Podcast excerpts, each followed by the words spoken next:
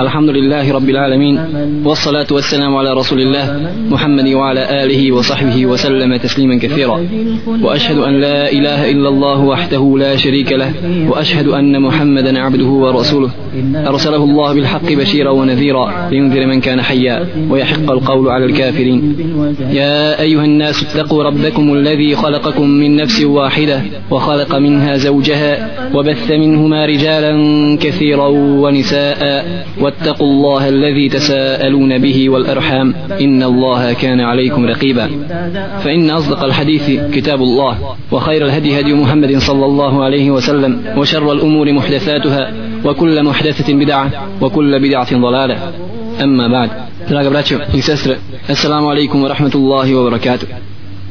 Nema niko na ovom svijetu, bilo od da ostvari ovu riječ koja se zove sreća. I nisu počinili tolike grijehe u kufru svome nevjernici osim zbog toga što su tražili sreću ovdje na Dunjaluku.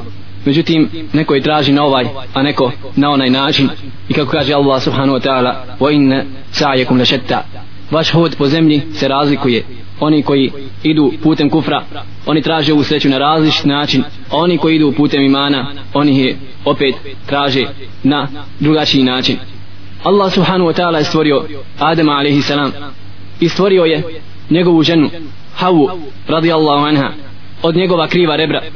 I tako Allah subhanahu wa ta'ala kaže Ja ejuhan nasu taku rabbekum ullevi halakakum min nafsi wahide wa halaka minha zauđeha O ljudi bojte se gospodara vaše koji je stvorio vas od jednog čovjeka od Adama alaihi salam i stvorio je od njega njegovu ženu Havu i ovo je bio sunnet Allahu poslanika sallallahu alaihi wasallam da uči uvijek na hudbi ovaj kuranski ajet što jasno ukazuje na važnost ovog kuranskog ajeta. A jedna od pouka i poruka koji nosi ovaj kuranski ajet jeste kada čovjek zna da je žena dio njega onda će se obhoditi lijepo sa tim svojim dijelom jer ako čovjek kažem zna da je ta žena dio njega onda će se obhoditi sa njom onako kako bi želio da se drugi obhodi prema njemu. To jest prema njoj koja je dio njega odnosno sam on. Zato draga braćo Allah subhanahu wa ta'ala naredio ljudima da se lijepo obhode sa svojim ženama i rekao je wa ashiruhunne bil ma'ruf i obhodite se sa njima na lijep način. Međutim mnogi od nas da Allah subhanahu wa ta'ala uputi koji se nalaze u tvrđavi koja se zove brak pravi ogromne greške u samom međusobom obhođenju sa ženama. Tako da veoma često prilikom rješavanja bračnih problema uhvati se za onu samo grešku jednu koja je počinila njegova žena u datom momentu. Međutim to je pogrešno. Pogrešno je dragi brate da ti kome je učinila žena neku grešku uhvatiš se u tom momentu samo za tu grešku. I da zaboraviš sve ostale njene vrline i njene dobrote jer čim je učinila tu grešku treba da znaš dragi brate da je Allahu poslanik sallallahu alaihi wasallam obavijestio tebe da je žena stvorena od krivog rebra Adem alaihi salam i da je nemoguće da se ispravi idealnu ženu ne možeš naći. To je Allahu poslanik sallallahu alaihi wasallam objasnio. A onaj ko bude želio da ispravi rebro krivo pući će kaže Allahu poslanik sallallahu alaihi wasallam wa kesruha talakuha a njeno ispravljanje jeste razud braka. Zato ako bude želio i tražio idealnu ženu bez grešaka, znaj da nikad neće naći na Dunjaluku. Ovo nije priroda Dunjaluka, nije priroda žene koju Allah subhanahu wa ta'ala stvorio. Zato pametan čovjek će, kako kaže Allahu poslanik sallallahu alaihi wasallam, u hadisu koga bilježi muslim, od Ebu Hureyri radi Allahu anhu, kaže la jafraku mu'minun mu'mineten iza keriha minha hulukan radija minha hulukan ahar. Kaže Allahu poslanik sallallahu alaihi wasallam neće se desiti, niti se smije desiti da čovjek mu'min učini nepravdu mu'minki svojoj ženi. Nemoguće. Pa ako bude prezirao neki moral, neki postupak njen on će se sjetiti ostali vrijednosti koje ona ima kod sebe. I preći će preko toga.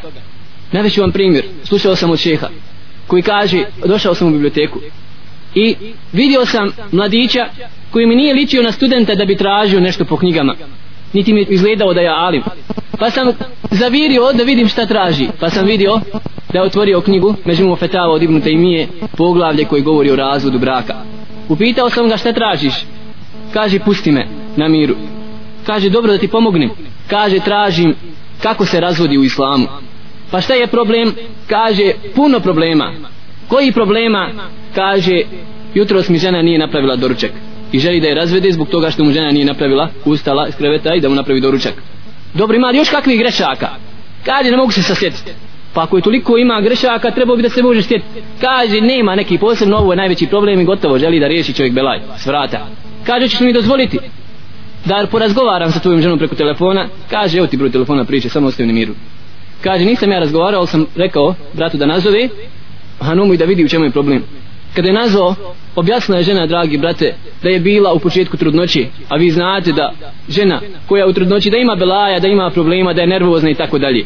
I u vremenu hajda i tako dalje. Sve to čovjek mora da ima na umu kada su pitanju bračni problemi. Objasnio je da mora da ustane pored toga svih tih problema mora da ustane i da posluša muža. Sutradan došao je kaže ovaj šeh lično sam prisutovao lično ovakvu predavanju. Kaže došao mi i rekao šeh sad je sve u redu. Napravila je doručak. Međutim dragi brate ovo je primjer glupog čovjeka ovo je primjer kako ne treba raditi čovjek u islamu.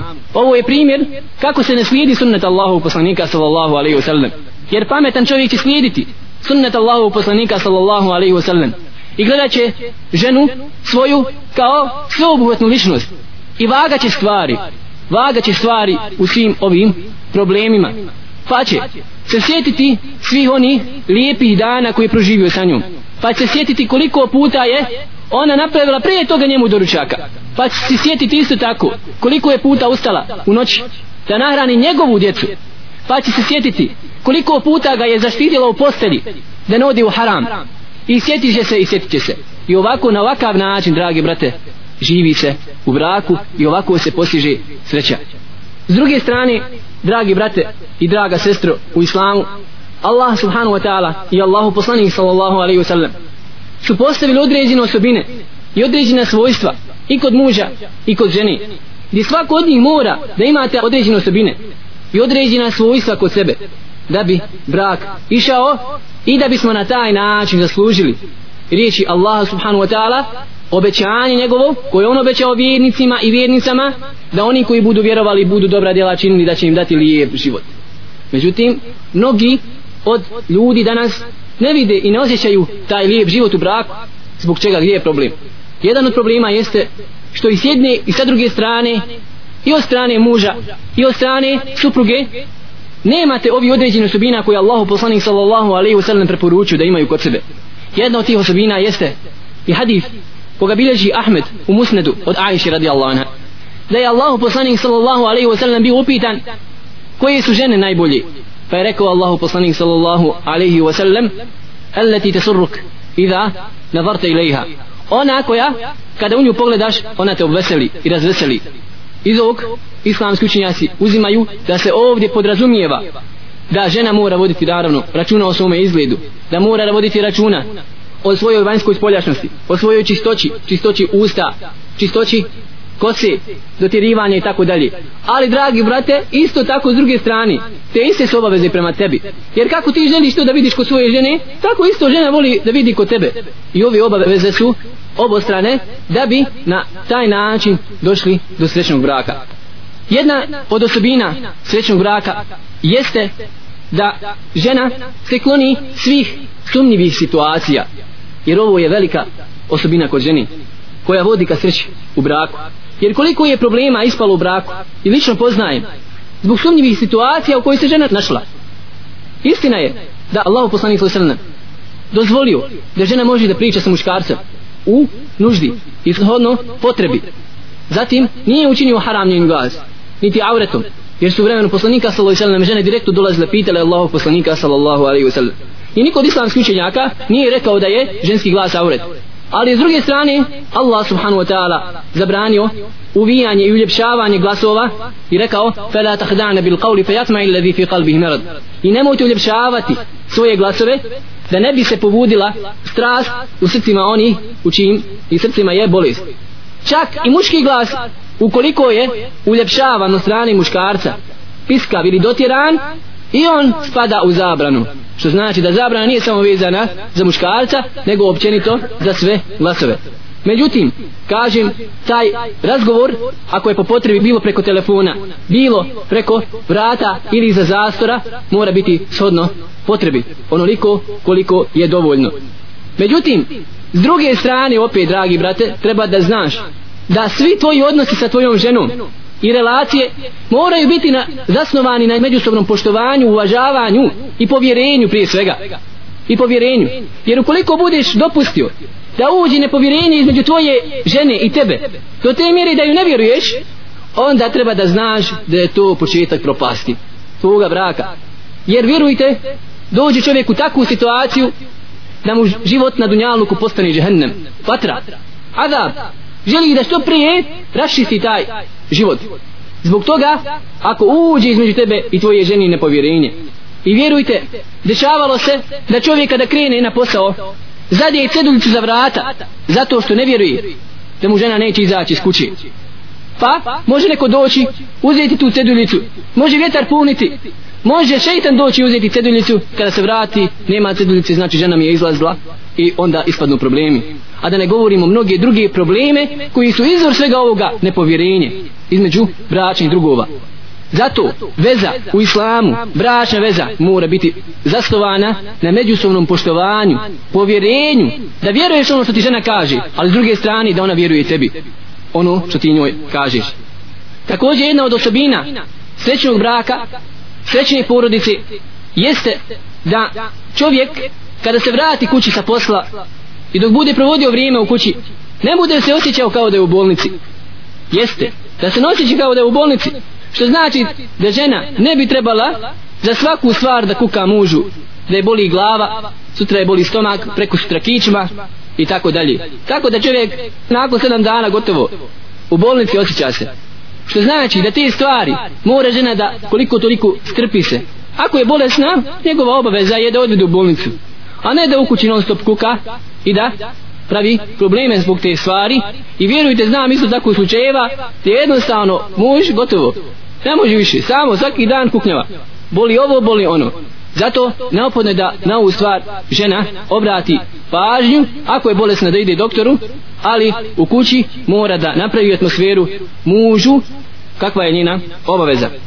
Također jedna od osobina srećne porodice jeste da žena neće non stop prigovarati mužu za ono što je uradila prema njemu ili učinila dobro danas primjer radi pa mu neće non stop nabijati na nos kako je ona jutro su radila to i to, to i to, a ti mi nič nećeš mene da izvedeš danas. Jer ovo nije osobina općenito vjernika i vjernica, tako da ukoliko se desi ovakav slučaj kod žene, znajte da to izaziva kontraefekat kod muža. Također, neophodno je da žena ne bude u svojoj kući na neki način oficijelna, nego da pokuša da bude žena koja će imati non stop neke inovacije u svojoj kući. Zašto joj fali da jedan put iznenadi muža, da premjesti recimo krevet iz jedne čoška u drugi, da napravi novi raspored u svojoj kući. Jer te stvari su jedan od velikih uzroka da čovjek vidi da žena nešto radi u kući. Također, jedan od velikih problema danas jeste što mnoga braća sa svojim ženama nisu uzele uzor Allahu poslanika sallallahu alaihi wasallam u njihovim obhođenjima sa njima. Mnoga braća ne znaju se nasmijati svojim ženama. Tako da bujiva situacija i općenito u okolišu oko njih kod komšija da jednostavno komšije pitaju oni koji nose bradu da li se znaju uopće smijati. Jeste, to je realnost naša i stvarnost. Za razliku od Allahog poslanika sallallahu alaihi wasallam koji je prije svega preporučio osmije brat bratu čak je to učinio sadakom. Ti njemu osmije Allah subhanahu wa ta'ala tebi da sevab. Međutim kada je u pitanju brak ova stvar je daleko veća. Jer onaj ko ti je bliži od rodbine i u tvojom međusobnom kontaktu znaje da ti je veći sevab ukoliko radiš te stvari prema njemu. Pa kada je došao ashab Allahu poslaniku sallallahu alaihi wa sallam pitao je men haqqu nasi bi suhbeti? Kale ummuk, thumma ummuk, thumma ummuk, thumma abuk ko ima najveće pravo u mom međusobnom obhođenju i kontaktu kaže mati, pa mati, pa mati, pa babu što znači da tako ide dalje žena, pa djeca i tako dalje. Međutim mnoga braća kažem skoro da ne znaju da se nasmiju i da se raspolože sa svojim ženama. Kad ga upitaš zbog čega kaže bojim se neće izgubiti autoritet. Mora da bude čvrsta ruka u kući. Jer ako se nasmije svojoj ženi ako legne sa djecom, a ga djeca povali i počnu jahati kao konjića, boji se će izgubiti autoritet u svojoj ženi pa ga onda neće slušati. Međutim, Allahu poslanik sallallahu alaihi wa sallam koji nije bio autoritet samo svojim devet žena nego je bio autoritet ashabima.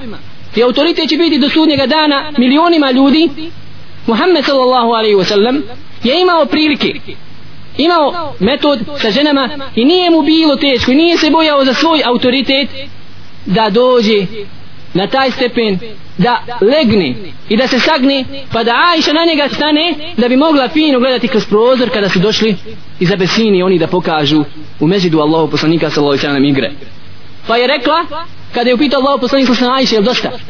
Da siđe sa njega. Kaže još malo Allahu poslanice kaže žel, želeo sam da vidim koliko me voli Allahu poslanik sallallahu alaihi koliko je spreman da izdrži mene na sebi.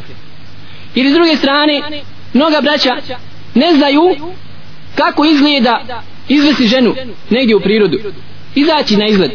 Jeste mjesto žene u kući. Kaže Allah subhanahu wa ta'ala wa qarna fi buyutikunna. I boravite u svojim kućama.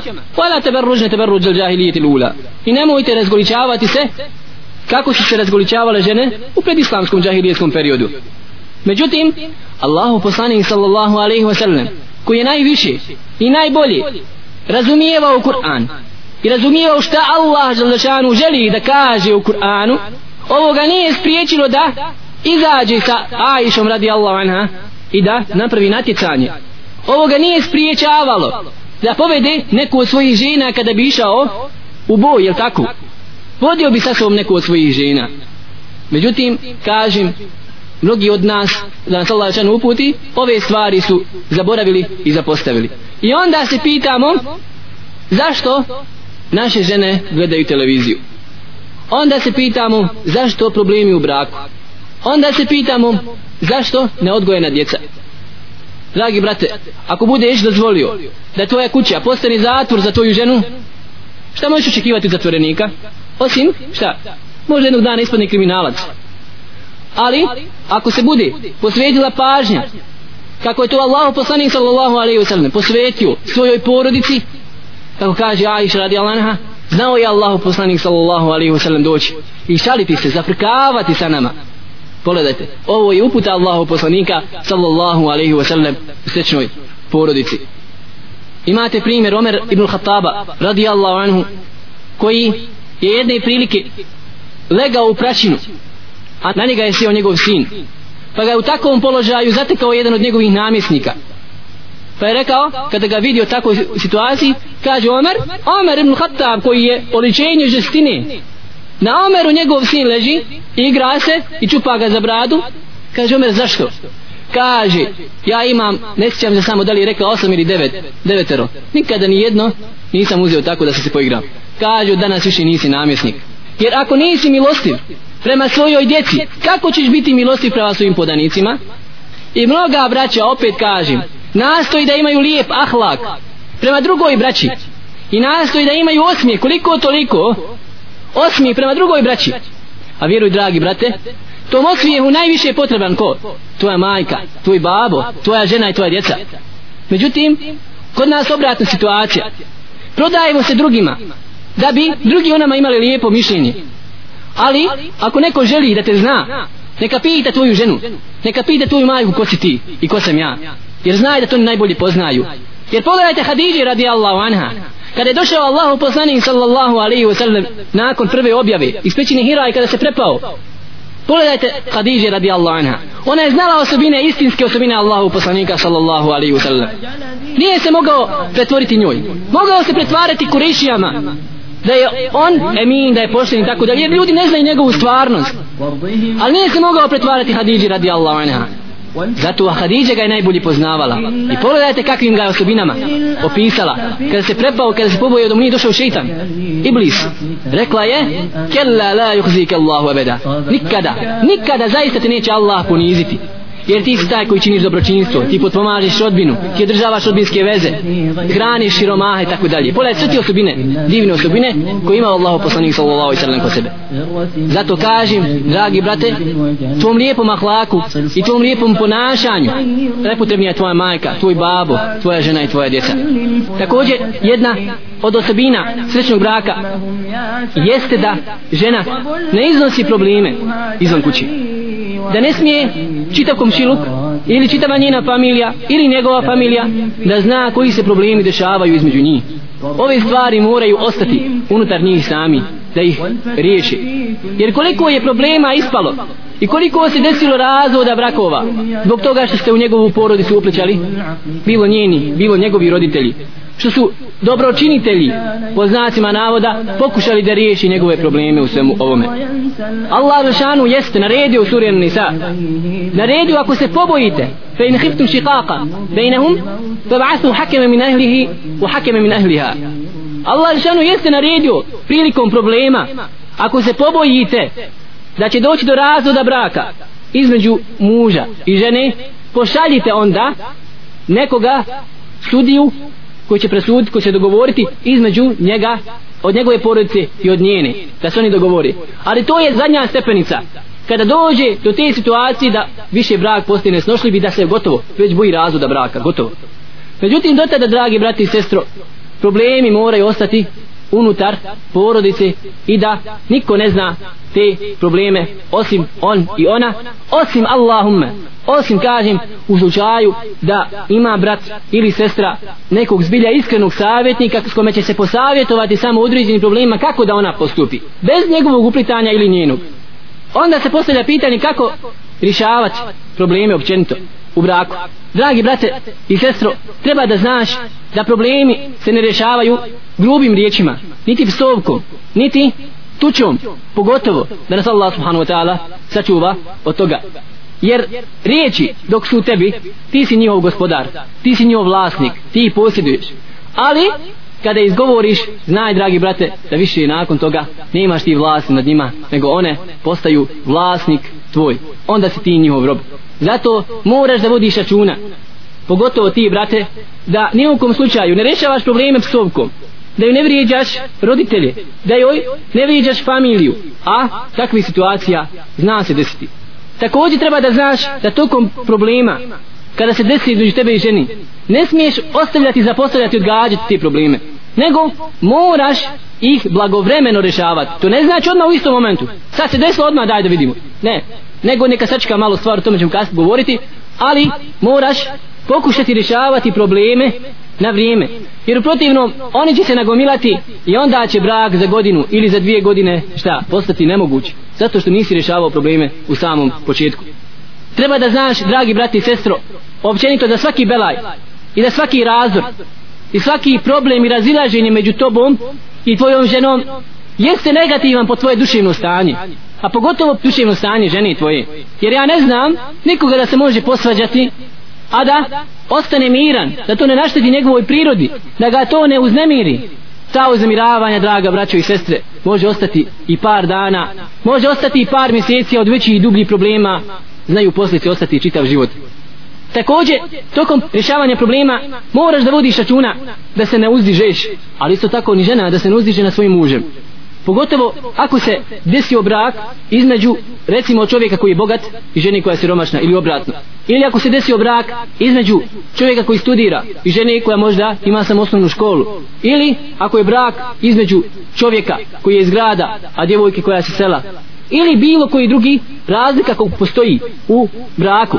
Mada u islamu općenito čeka Bu Hanife postavlja i preporučuje da bude taj omjer između muža i žene poprilično isti. Da čovjek siromašan ne ženi ženu bogatu ili obratno. Ili čovjek koji recimo završio fakultet ili tako dalje da ne ženi ženu koja je na manjem intelektualnom nivou od njega. To je u osnovi prije braka ali ako se stvar desi nema to problema.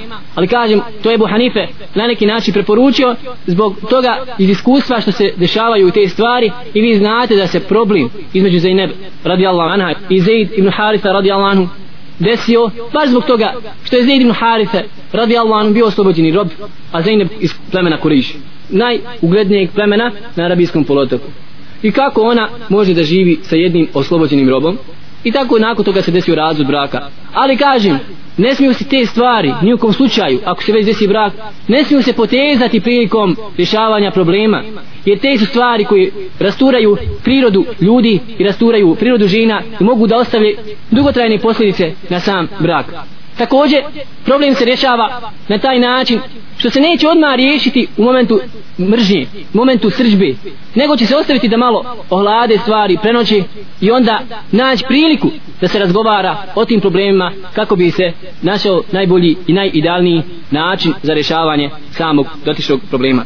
I sada ostaje na neki način da uzmemo određeni postupak odnosno koje sve čovjek korake treba da uradi prilikom rješavanja problema da bi na neki način imao srećnu porodicu. Prije nego što čovjek želi da riješi dotični problem dragi brate treba da znaš jednu stvar a to je da uvidiš zbilja da li je to problem ili uopće nije problem. Jer zna se desiti da dođe samo do nerazumijevanja između muža i žene ona misla jedno ti misli drugo. U stvari nema problema uopće ga nema međutim čovjek zbog svoje brzopletosti i nerazumijevanja a pogotovo brzopletosti žene onda da se zna raspravljati po 2-3 sata a problema nigdje nema. Zbog toga što se desilo pogrešno razumijevanje bračnih drugova nakon toga moraš raspravljati samo o problemu jednom koji se desio Ako je primjer radi taj što jutro žena nije htjela ti napravi doručak, raspravljaj samo o njemu. Nemoj da spominješ probleme koji se desili juče, prekuće ili prije mjesec dana. Ili da se prisjetiš maša Allah od prvog dana braka pa do dana današnjeg sve probleme izbiflaš maša Allah kod da si kompjuter, sve spomeniš radila to prvi dan, drugi i sve do toga dana. Hiljadu problema hoćeš da riješiš u tome danu. Znaj, dragi brate, da je ovo osobina glupog čovjeka, čovjeka koji nije spreman da vodi brak, nego rješava se problem samo jedan, a ostale probleme sutra, preko sutra i u narodnom periodu.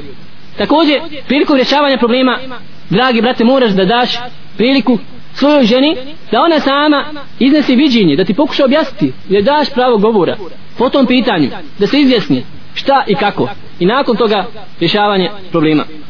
I kada čovjek hoće da riješi problem, nakon što uvidio da izbilja to greška, koja zahtjeva da se riješi, mora odmah u samom početku da spomene njene neke dobre osobine. Jer spogledajte šta Allah subhanahu wa ta'ala kaže Wala tensevu al-fadla bainakum.